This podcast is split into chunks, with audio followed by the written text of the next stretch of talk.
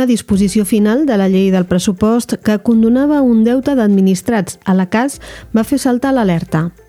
La Caixa Andorrana de la Seguretat Social ha estat pagant durant anys de més a alguns receptors de pensions d'invalidesa de grau 1.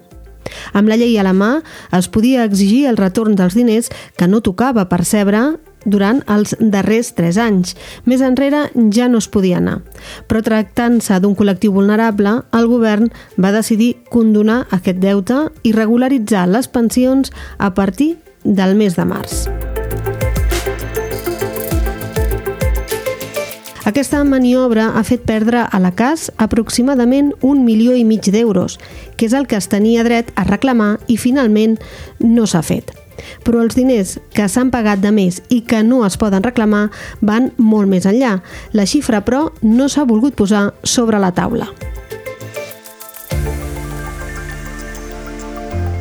Quines són les pensions d'invalidesa de grau 1? Com es calculen i com s'apliquen? Què ha pogut passar? Com ha estat rebuda per la societat la condonació del deute? I què passarà a partir d'ara? Hola, sóc Esther Pons, això és l'Altaveu a fons i aquesta setmana posem el focus a l'escàndol de les pensions d'invalidesa de la CAS. L'import del deute generat en els últims 3 anys eh, de manera involuntària per als afectats ascendeix a un milió i mig eh, aproximadament en els últims 3 anys. Eh, aquesta, aquesta dada és necessàriament una estimació i és necessàriament una estimació per dos motius. El primer és perquè l'hem anat afinant amb, diguéssim, el transcurs d'aquesta cronologia que us he anat eh, detallant eh, en un principi de manera manual i a mesura que hem anat tenint diguéssim, les parts del procés informatitzat de manera informatitzada i per altra banda perquè com hem pogut veure en l'explicació del càlcul de la, de la, de la pensió d'invalidesa aquests imports varien o haurien de variar més a més. Vale? Els deutes eh, involuntaris generats amb anterioritat a aquests tres anys s'estan calculant també, ¿vale? però no corresponen a una extrapolació lineal. És a dir, en aquest sentit, eh, hem de fer, diguéssim, èmfasi en què eh, necessàriament el càlcul ha de ser, diguéssim, cas per cas i que mm, no ens podem permetre, penso jo, fer una, una extrapolació lineal dient que si en mitjana tenim un deute involuntari de mig milió d'euros per any, en tres anys un milió i mig, que si això ho multipliquem per X anys tindrem el deute aproximat. No?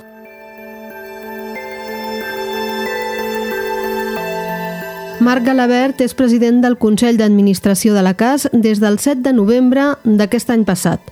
Un Consell d'Administració que és conscient de l'error des de fa més d'un any. Sabem, de moment, l'import del deute condonat, però a quantes persones afecta? Amb dades actuals, eh, el número total de pensionistes eh, d'invalidesa eh, pel grup 1 és d'uns 1.100.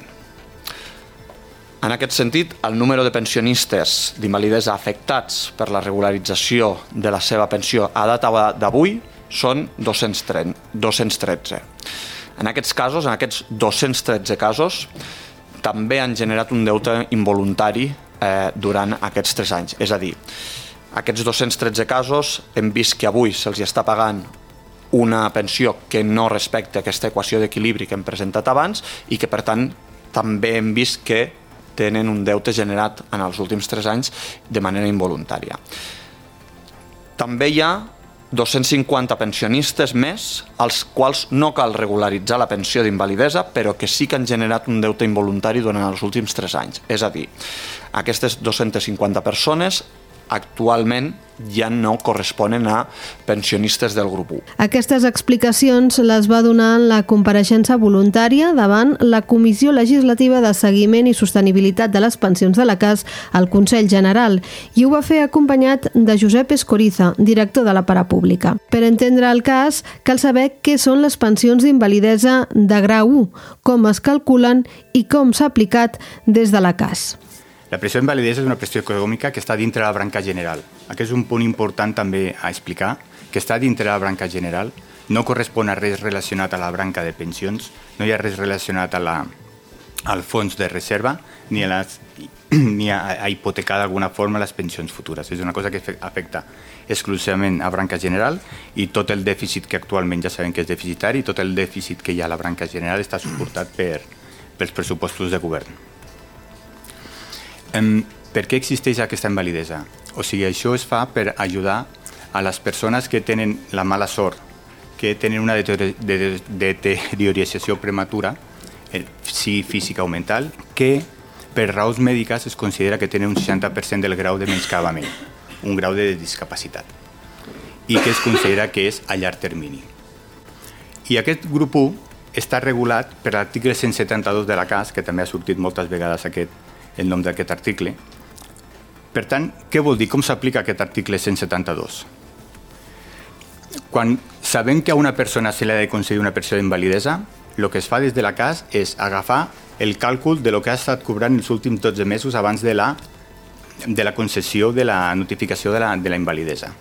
I aquest salari mitjà, aquests ingressos mitjans que té, és el que considera com a base de càlcul. I és la dada més important, és una dada que a l'hora de notificar-li la prestació d'invalidesa se li notifica també al pensionista perquè ho tingui clar, perquè és el que regularà durant tota la vida de la pensió de validesa tota l'articulació de l'article 172. O sigui, aquesta base de càlcul s'ha calculat amb la suma de les pensions, si és que té d'altres pensions, que pot tenir altres pensions, compliments no contributius, queda clar que qualsevol persona també pot estar eh, cobrant un compliment no contributiu, que també s'ha de tenir en compte, si cobra algun tipus de pensió estrangera i per descomptat que ja que li donem l'opció de poder treballar el salari corresponent que està cobrant. Vale? I això és la base de càlcul des del al principi que es va revaloritzar amb l'IPC per tots els anys fins a l'actualitat. I llavors, què és el que obliga a fer l'article 62?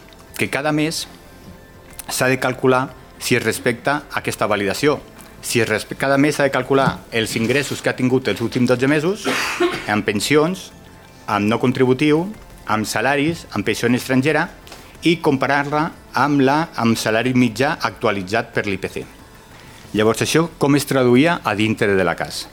Eh, pues, es traduïa que aquesta regularització de les pensions d'invalidesa no es realitzava de manera automàtica, ni automàtica ni sistemàtica només en casos puntual, puntuals, a partir de mm, el, el, el, el Departament de Pensions, a partir de certes comprovacions que feia, o bé alguna pregunta externa o algun input extern que podia arribar, pues procedia a fer la regularització o no procedia a fer, a fer la regularització. I quan es, proced, eh, quan es procedia a fer, el que es feia és el reajustament de la pensió.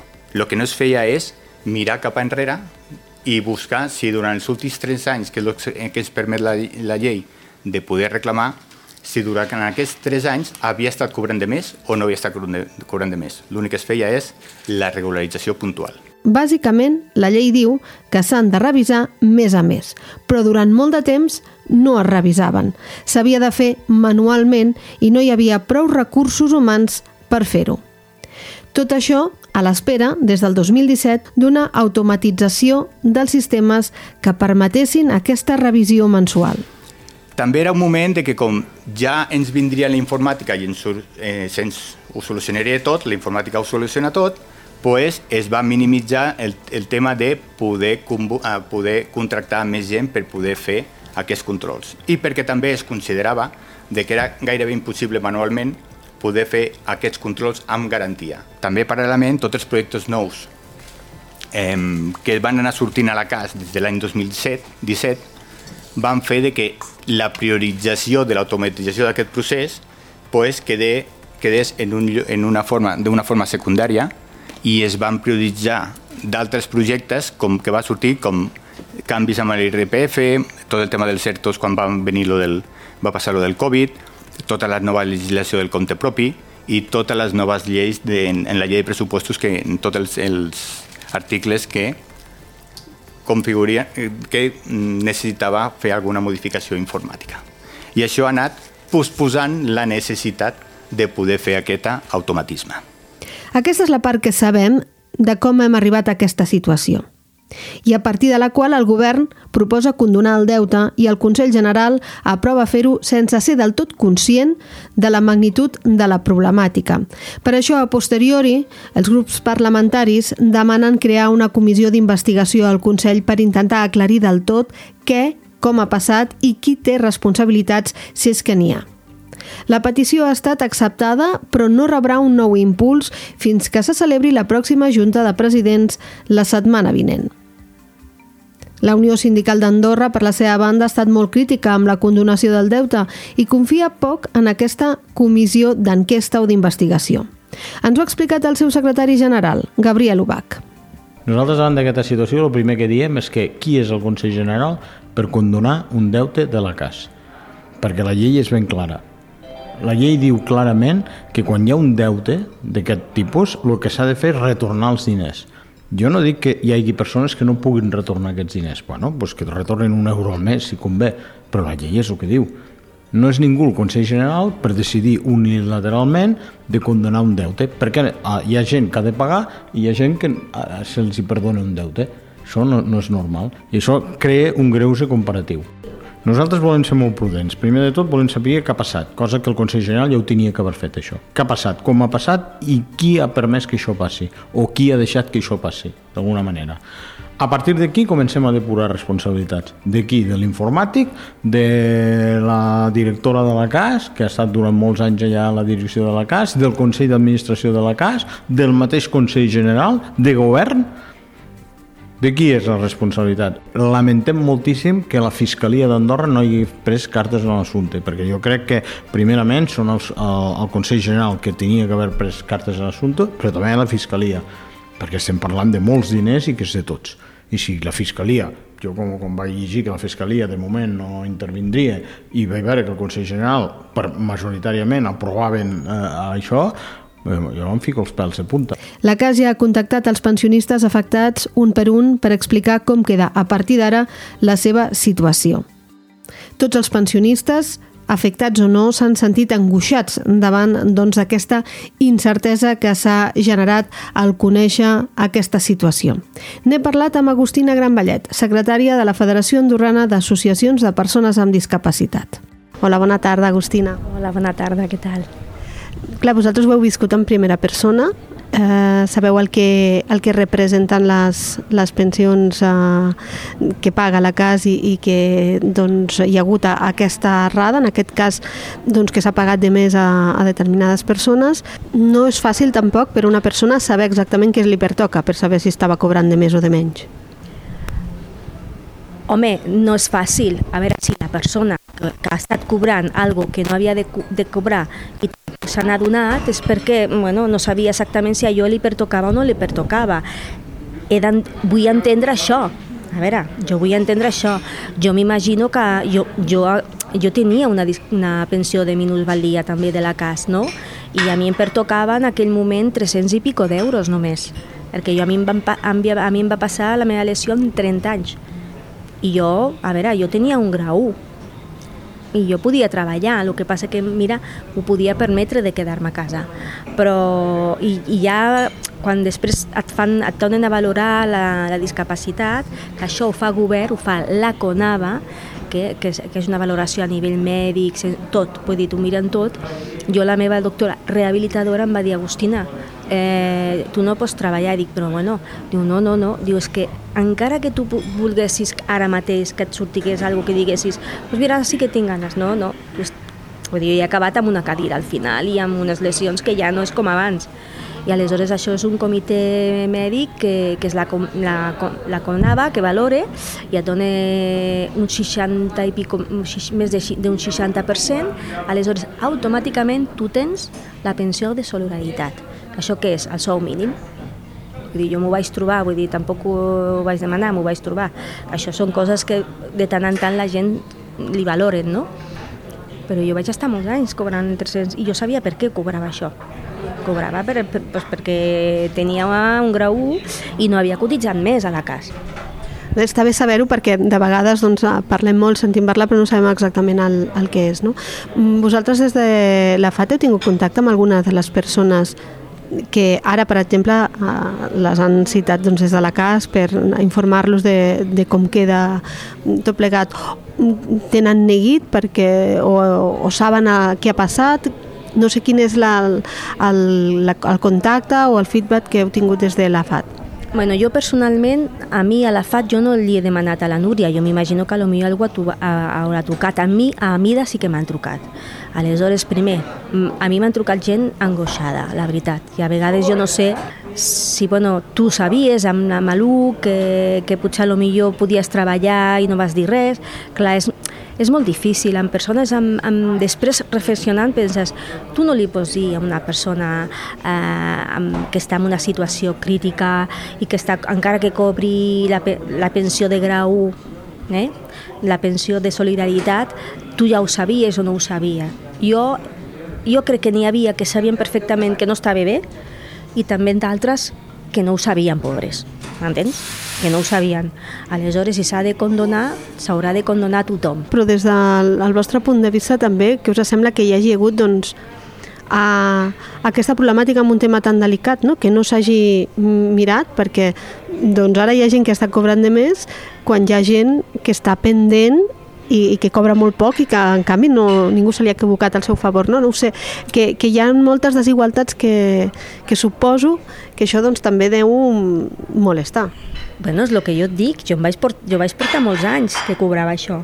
Eh, i això, home, pues a mi em molesta perquè per, lo que, per als anys que estan jo també podria haver estat cobrant més, però bueno, mm, i jo no, mira, jo, jo a, mi, a, mi, a mi no, no es van equivocar, però vull ser benèvola i pensar que, bueno, que en, aquell, en aquella caixa hi ha de tot, hi ha de tot ficat, però que jo coneixia persones amb un grau que ja a vegades pensava, però quin grau tens tu? M'entens? I a mi m'estan pagant tant i jo pensava, ostres, doncs com s'ho ha fet? No? Per, per cobrar això. M'entens? I ara que hi ha neguit o no hi ha neguit per com quedarà tot plegat? Sí que hi ha neguit, hi ha neguit, però hi ha neguit per la part d'aquestes persones que, que a lo millor pues, només li quedaven 300 o 400 euros. Entens? Perquè amb aquesta gent, clar, si els demanen de retornar els diners, jo no crec que hagin de retornar els diners. Jo no ho trobaria bé perquè això ha sigut una pífia i ha sigut una pífia de qui ha sigut, eh? de la, la directora i de tota la gent que estava allà. Eh? A mi que no em diguin quan fan comptes que no es vigila, perquè quan tu et compres una, una cadira de rodes, jo parlo de la discapacitat, ve que has de passar ja una valoració i ve que t'han de mirar i et diuen pues jo aquesta cadira no te la puc pagar, nosaltres et pagarem aquesta, que és una cadira que vés a saber, m'entens el que vull dir? Després l'altre tu has de pagar tu. I això en persones amb discapacitat. I aquestes pensions no les han mirades bé? Doncs pues no. Pues jo hi ha coses que, que no les entenc. O no, o no m'ho vull creure. Vull dir, hi ha coses que, no, que és difícil de creure que semblen que som que les persones estem, no sé, en, no sé, en un altre, en el limbo, no, no, no. Vull dir, hi ha, hi ha molta gent empipada, molta gent empipada, més dels que ens imaginem, eh? Bé, ara hi ha també fins i tot una comissió que s'hi diu d'enquesta d'investigació, però d'alguna manera el Consell General per intentar veure què ha passat, a veure si en surt alguna cosa. I, ten, i confies en que d'aquí surti alguna cosa? Bé, jo et diré la veritat. Jo he parlat després amb persones que no tenen una discapacitat, però que han xerrat i han, i han, i han parlat d'aquest tema i, i ho diuen. Això no faran res. Això es tancarà, es deixarà, es taparà i punt. Tant de bo m'equivoqui, perquè a mi m'agradaria que caiguessin aquells que no els hi pertocava mm, cobrar, perquè potser estaven cobrant ja perquè tenien molts, molts punts i els hi van quedar un bon, bon sou, però a més a més estaven cobrant perquè no sé qui devien de ser, perquè d'aquests també n'hi han, i a mi em fa pena doncs, aquesta gent doncs, que s'han trobat, perquè hi ha gent realment que els hi, els hi evaluen i a vegades no saben el que posa en aquell paper. També n'hi ha, ¿vale? també n'hi ha, però hi ha d'altres que són molt vivos, eh? i intenten enganyar per on sigui, eh? Bé, doncs moltíssimes gràcies, Agustina Granvallet, per haver-nos acompanyat. Gràcies a tu, gràcies.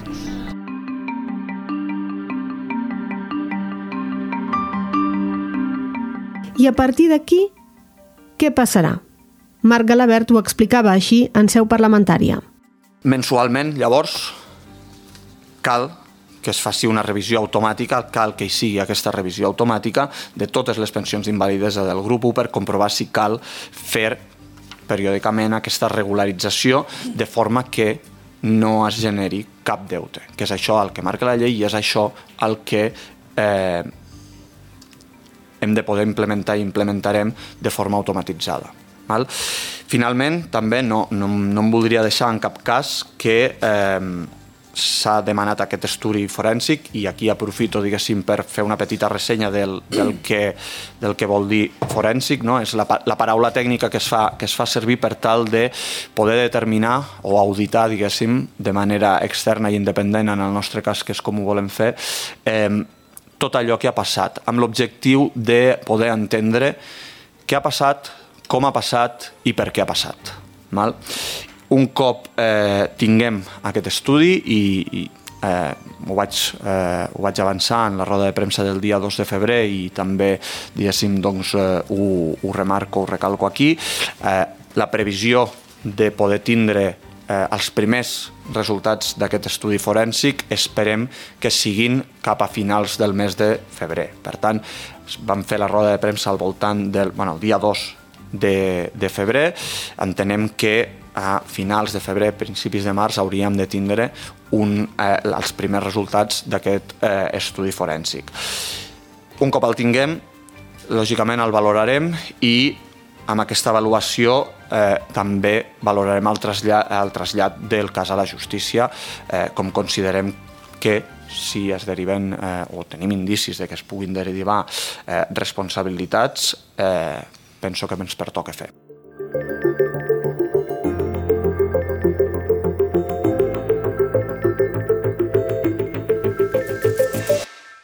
Doncs precisament el Consell d'Administració de la CAS acaba de rebre aquest informe forènsic del qual parla Marc Galabert i ja ha anunciat que ho posarà a mans de la Fiscalia.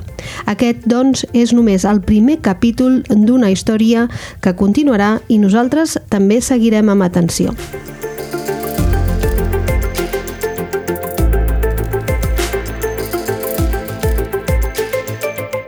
Això ha estat l'Altaveu a fons.